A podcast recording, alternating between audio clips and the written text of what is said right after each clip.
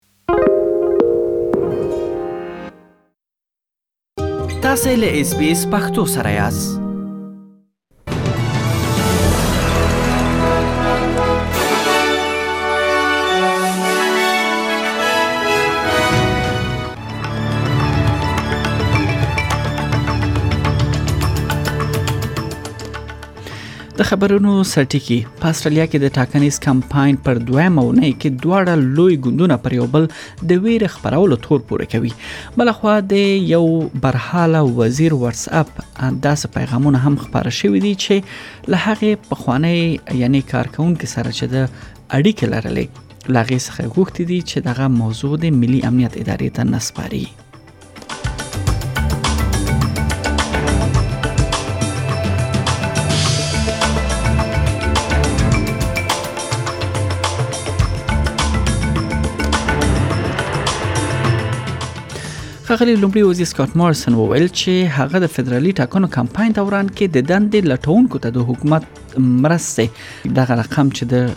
ویلي ول هغه ناسم وو دا یو او نه وروسته له هغه راځي چې د اپوزیسیون مشر انټونی البنيزي د بیکاری په اړه او هم د سود په اړه د غلې پات شو چې د خبرونو سرټکی جوړ کړی وو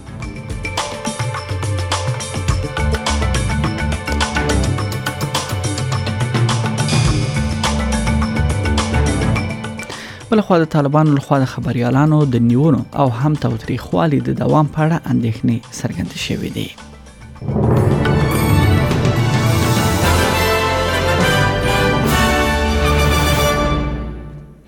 دا هم بشپړ خبرونه د ټاکنیز کمپاین پر دویم اونۍ کې دواړه لوی ګوندونه پر یو بل د ویرې خبرولو تور پورې کوي بلخوا د پخوانی کارمن سره د کابینې د وزیر الن تود د اړیکو په اړه ناندري بیا دوام لري د نوي واتس اپ پیغامونو په خبرولو سره چې هغه یاد کارمند ته ویلي وو چې د ملي امنیت ادارې ته دروغ وایي فدرالي اپوزیسیون وایي چې خغلی تود د خپل پخوانی کارمند هڅول چې دروغ وایي تر څو شخصي اړیکو په اړه معلومات ورنکړي دا ممکن یو جرم وي د لیبر ګوند د کورنیو چارو ویاند کریستینا کینلی غوښتي دي چې لومړی وزیر سکاټ مارسن دې روښانه کړي چې ولې خغلی تود لا هم د هغه په کابینه کې وزیر دی In terms of Alan Tudge, Scott Morrison must answer today why Alan Tudge is still a minister why Alan Tudge is still a candidate for the Liberal Party at this election. Alan Tudge, as has been revealed in these WhatsApp messages, appears to have encouraged his employee to lie to national security agencies in her vetting process. That's a violation of the Ministerial Code of Conduct. د مشرانو جرګې خپلواک نومان نیک زینفون د کور لګښت لپاره د شاهي کمیسون یا رویال کمیشن غوښتنه کوي تر څو خلکو ته لا لار هواره کړي چې په اسانۍ سره دوی خپل کور وپیري ایتلافي ګوند چې حکومت په لاس کې لري د یو پلان اعلان کړی دی چې له مخه به یې د جولای له لومړۍ نیټې څخه که چیرې دوی بیرته حکومت کې وټاکل شي د کور پیریدلو لپاره د مخکې پیسې ورکړي یا هم ډیپازټ موده نوره هم وغځوي بلخوا د لیبر ګوند هم د حکومت د ورته پلان ملاتړ څرګند کړی دی یعنی حکومت هغو کسانو ته چې خپل لومړنی کور اخلي د لږې فیصدۍ پیشکي پیسې ورکړي ته زمینه برابروي او بلخوا ځینې دولتي مالیې هم لرې کوي ترڅو دوی ته کور اخیستل اسانه شي مګر ښاغلی زینفون وایي پالیسي به کورونو پیرلو سره تړلو سیستماتیک مسلو حل په برخه کې هیڅ اغیز ونه کړي هغه ویل چې شاهي کمیسون یا رویل کمیشن د مسلې حل کولو لپاره وروسته غوره امید دی یعنی لدې لاره به د زمکو ډیریدو چارې خاري ډیزاین د ګروۍ بیمې نوي کول، غیر مرکزي کول، عامه ترانسپورت او نور زیربناو او د کرایې بازار دا ټول به پکې شامل وي تر څو دا یعنی سیستم یې سم شي. لومړي وزیر سکاټ مارسن وویل چې هغه د فدرالي ټاکنو کمپاین دوران کې د دندې لټونکو ته د حکومتي مرستو رقم ناسم څرګند کړی وو او ترې تیروتنه شوې وه ښاغلی مارسن د ورځني ارقام پر ځای یوې اونۍ ته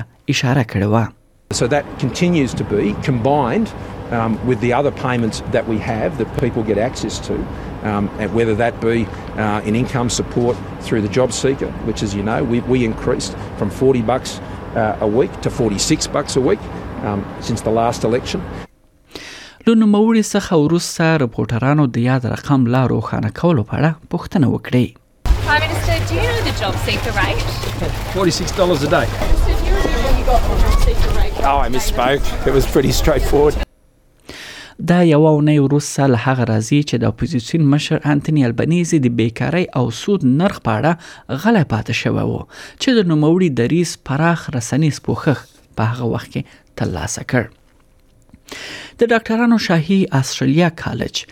په فدرالي حکومت غږ کړی دی چې د کووډ 19 واکسین دوز ویش ګړندې کړي د ډاکټرانو لخوا خپور شوی راپور وروسته له هغه راځي چې په زورګونو واکسینونه د ټولونو غړو لخوا نه ترلاسه کولو لوجې د ځای کېدو لامل کیږي د درې سوه څلور میلیونو ډالرو پاسفیک ملاتړ کڅوړه د دې کال په جون میاشت کې پای ته رسیږي او ډیری نور پرمختللي هیوادونه واکسین ته اړتیا لري ول په استرالیا کې خلک ورځ سربلې واکسین اضافي ډوزونو ترلاسه کولو ته شا کوي د آر ای سی جی پی رئیس پروفیسور کیرن پراس وای بیړنۍ اقدام ته اړتیا ده We need to keep promoting the, the need for boosters in our um, in our patients because 68% of people who are eligible have had their boosters, but there's still another 32% who need to get them. So for the government, I'd like them to see them promote that and also continue the the uh, uh, doses going into low-income countries, which is consistent with the COVAX agreement. د افغانستان د کورنیو چارو پخوانی وزیر مسعود اندرابي ادعا کړې ده چې طالبانو د دغه وزارت یو پخوانی پولیس افسر شکنجه کړی دی او وژل دی خغلی اندرابي زیاته کړې ده چې د طالبانو له عمومي بخښنې اعلانولو سره سره ډګروال قاسم قائم لومړی نیول شو او بیا د توتریخوال په پایله کې دی ووژل شو د ډګروال قاسم قائم وژنې په خواله رسنیو کې هم پراخ برګنون راپارول دي د هغه دوه داس انزورونه لاس په لاس کېږي چې په یو کې نظامی لباس په تن د افغانستان د ملي بیرغ تر څنګ ولاړ دی او دویم کې جسد پر ځمکه پروت دی بلخوا د طالبانو د کورنیو چارو وزارت اعلان کړی دی چې د ډګروال قاسم قائم د وژل کېدو پیښه په جدي توګه پلټي بلخوا د خبريالانو د ملاتړ ټولنو یو ځل بیا په کابل او ځینو ولایتونو کې د طالبانو حکومت لخوا د خبريالانو د وخلو ټکولو او نیونو زیاتېدو په اړه اندېښنه خوده ده او ویلي دي چې د خبريالانو په وړاندې توتریخواله یو ځل بیا زیات شوی دی د ژورنالستانو ملي اتحادیه د دوشنبه په ورځ په یو اعلامیه کې ویلي دي چې په تازه پیښه کې د اریانا خصوصي تلویزیون د سیاسي خبرونو په خوانی چلونکي مجيب جلیلی په کابل کې نیولو او یعنی نیولو وروسته دی وخل شوې دی دغه اتحادی د ټلویزیون د مسولینو له قوله ویل دي چې د خبريالانو د نیونو دوام د هغوی د اندېښنې لامل شوې دی طالبانو تر دې مخکې هم د اریانا ټلویزیون د دوه خبريالان نیولي وو خو دی ورځ وروسته یا دوه ورځې وروسته دا بیرته خوشی شوی وو بیا به راشو استرالیا ته استرالیا کې سوداګریزې ډلې د کووډ 19 سره د خلکو د کورنۍ او اړیکو لپاره د و ورځو جلا کولو اړتیا اسانه کولو غوښتنه کړې ده دا په دې معنی چې د نیو ساوت ولز او د وکټوريا ایالت سوداګریز او صنایعو خونه وایي چې مقررات باید کارمندانو کمبود د کمولو لپاره نرم شي دوی غواړي چې د کووډ 19 نګدي تماسونو لرونکو ته د کار کولو اجازه ورکړ شي او پر ځای ورځنی ګړندی انټيجن آزموینه وکارول شي دا په داس حال کې ده چې نور اته کسان په نیو ساوت ولز کې او و په وکټوريا ایالت کې کوینونو سره دوی مړ شوی دي په نیو ساوت ولز ایالت کې د کورونا وایرس شاوخوا 10855 په وکټوريا کې 8960 په کوینزلند کې 4040 ته په لویدیځ استرالیا کې 15615 په تازمانیا کې 1418 د کرونا وایرس نوې پیښې ثبت شوې دي او روسي خبر دا چې د اوکرين ولسمشر ولادمیر زيلنسکي وایي روسیه د دغه هواد په ختیځ کې له اوږدې مودې ځای پر ځای کېدو وروسته پوځي عملیات پیل کړي دي روسیه وروسته له هغه د ډونباس سیمه یعنی نیول یعنی د جګړې اصلي هدف اعلان کړی دی چې پر کیف یې د برید هڅه ناکامه شوې ده دا د اوکراین په ختیځ کې د روسیې ژبې یا ژبو صنعتي مرکز دی چیرې چې د مسکو ملاتړي بیلتون غوښتونکي ل تیرو اتو کلونو راهیسې د اوکراین له ځواکونو سره جګړه کوي او دوه خپلواک جمهوریتونه اعلان کړي دي چې د روسیې لخوا په رسمیت پیژندل شوی دی خغل زلنسکی وایي اوکرایني ځواکونه به د جګړې له زیاتېدو سره سره له جګړې لاس Now we can already state that Russian troops have begun the battle for the Donbass, for which they have been preparing for a long time. A significant part of the entire Russian army is now concentrated on this offensive. No matter how many Russian troops are driven there,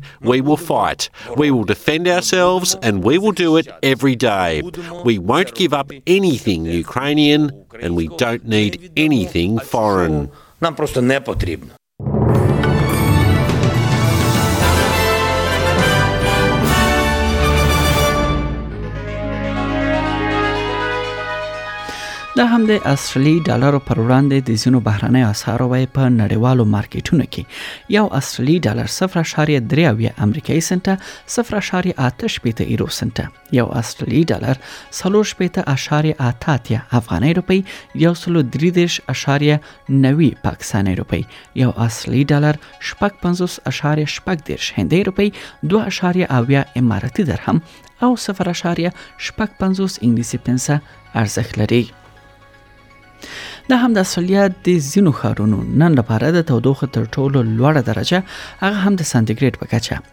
سیدنی کې لغرمې وروسته د باران اټکل دی د تودوخه تر ټولو لوړه درجه و به سانتیګریډ اټکل شوې ده ملبن کې هوا باراني 14 په برزبن کې هوا مریضه د 28 په پارت کې هوا مریضه د 28 په اډلیډ کې اسمان برګ د شل په هوبارت کې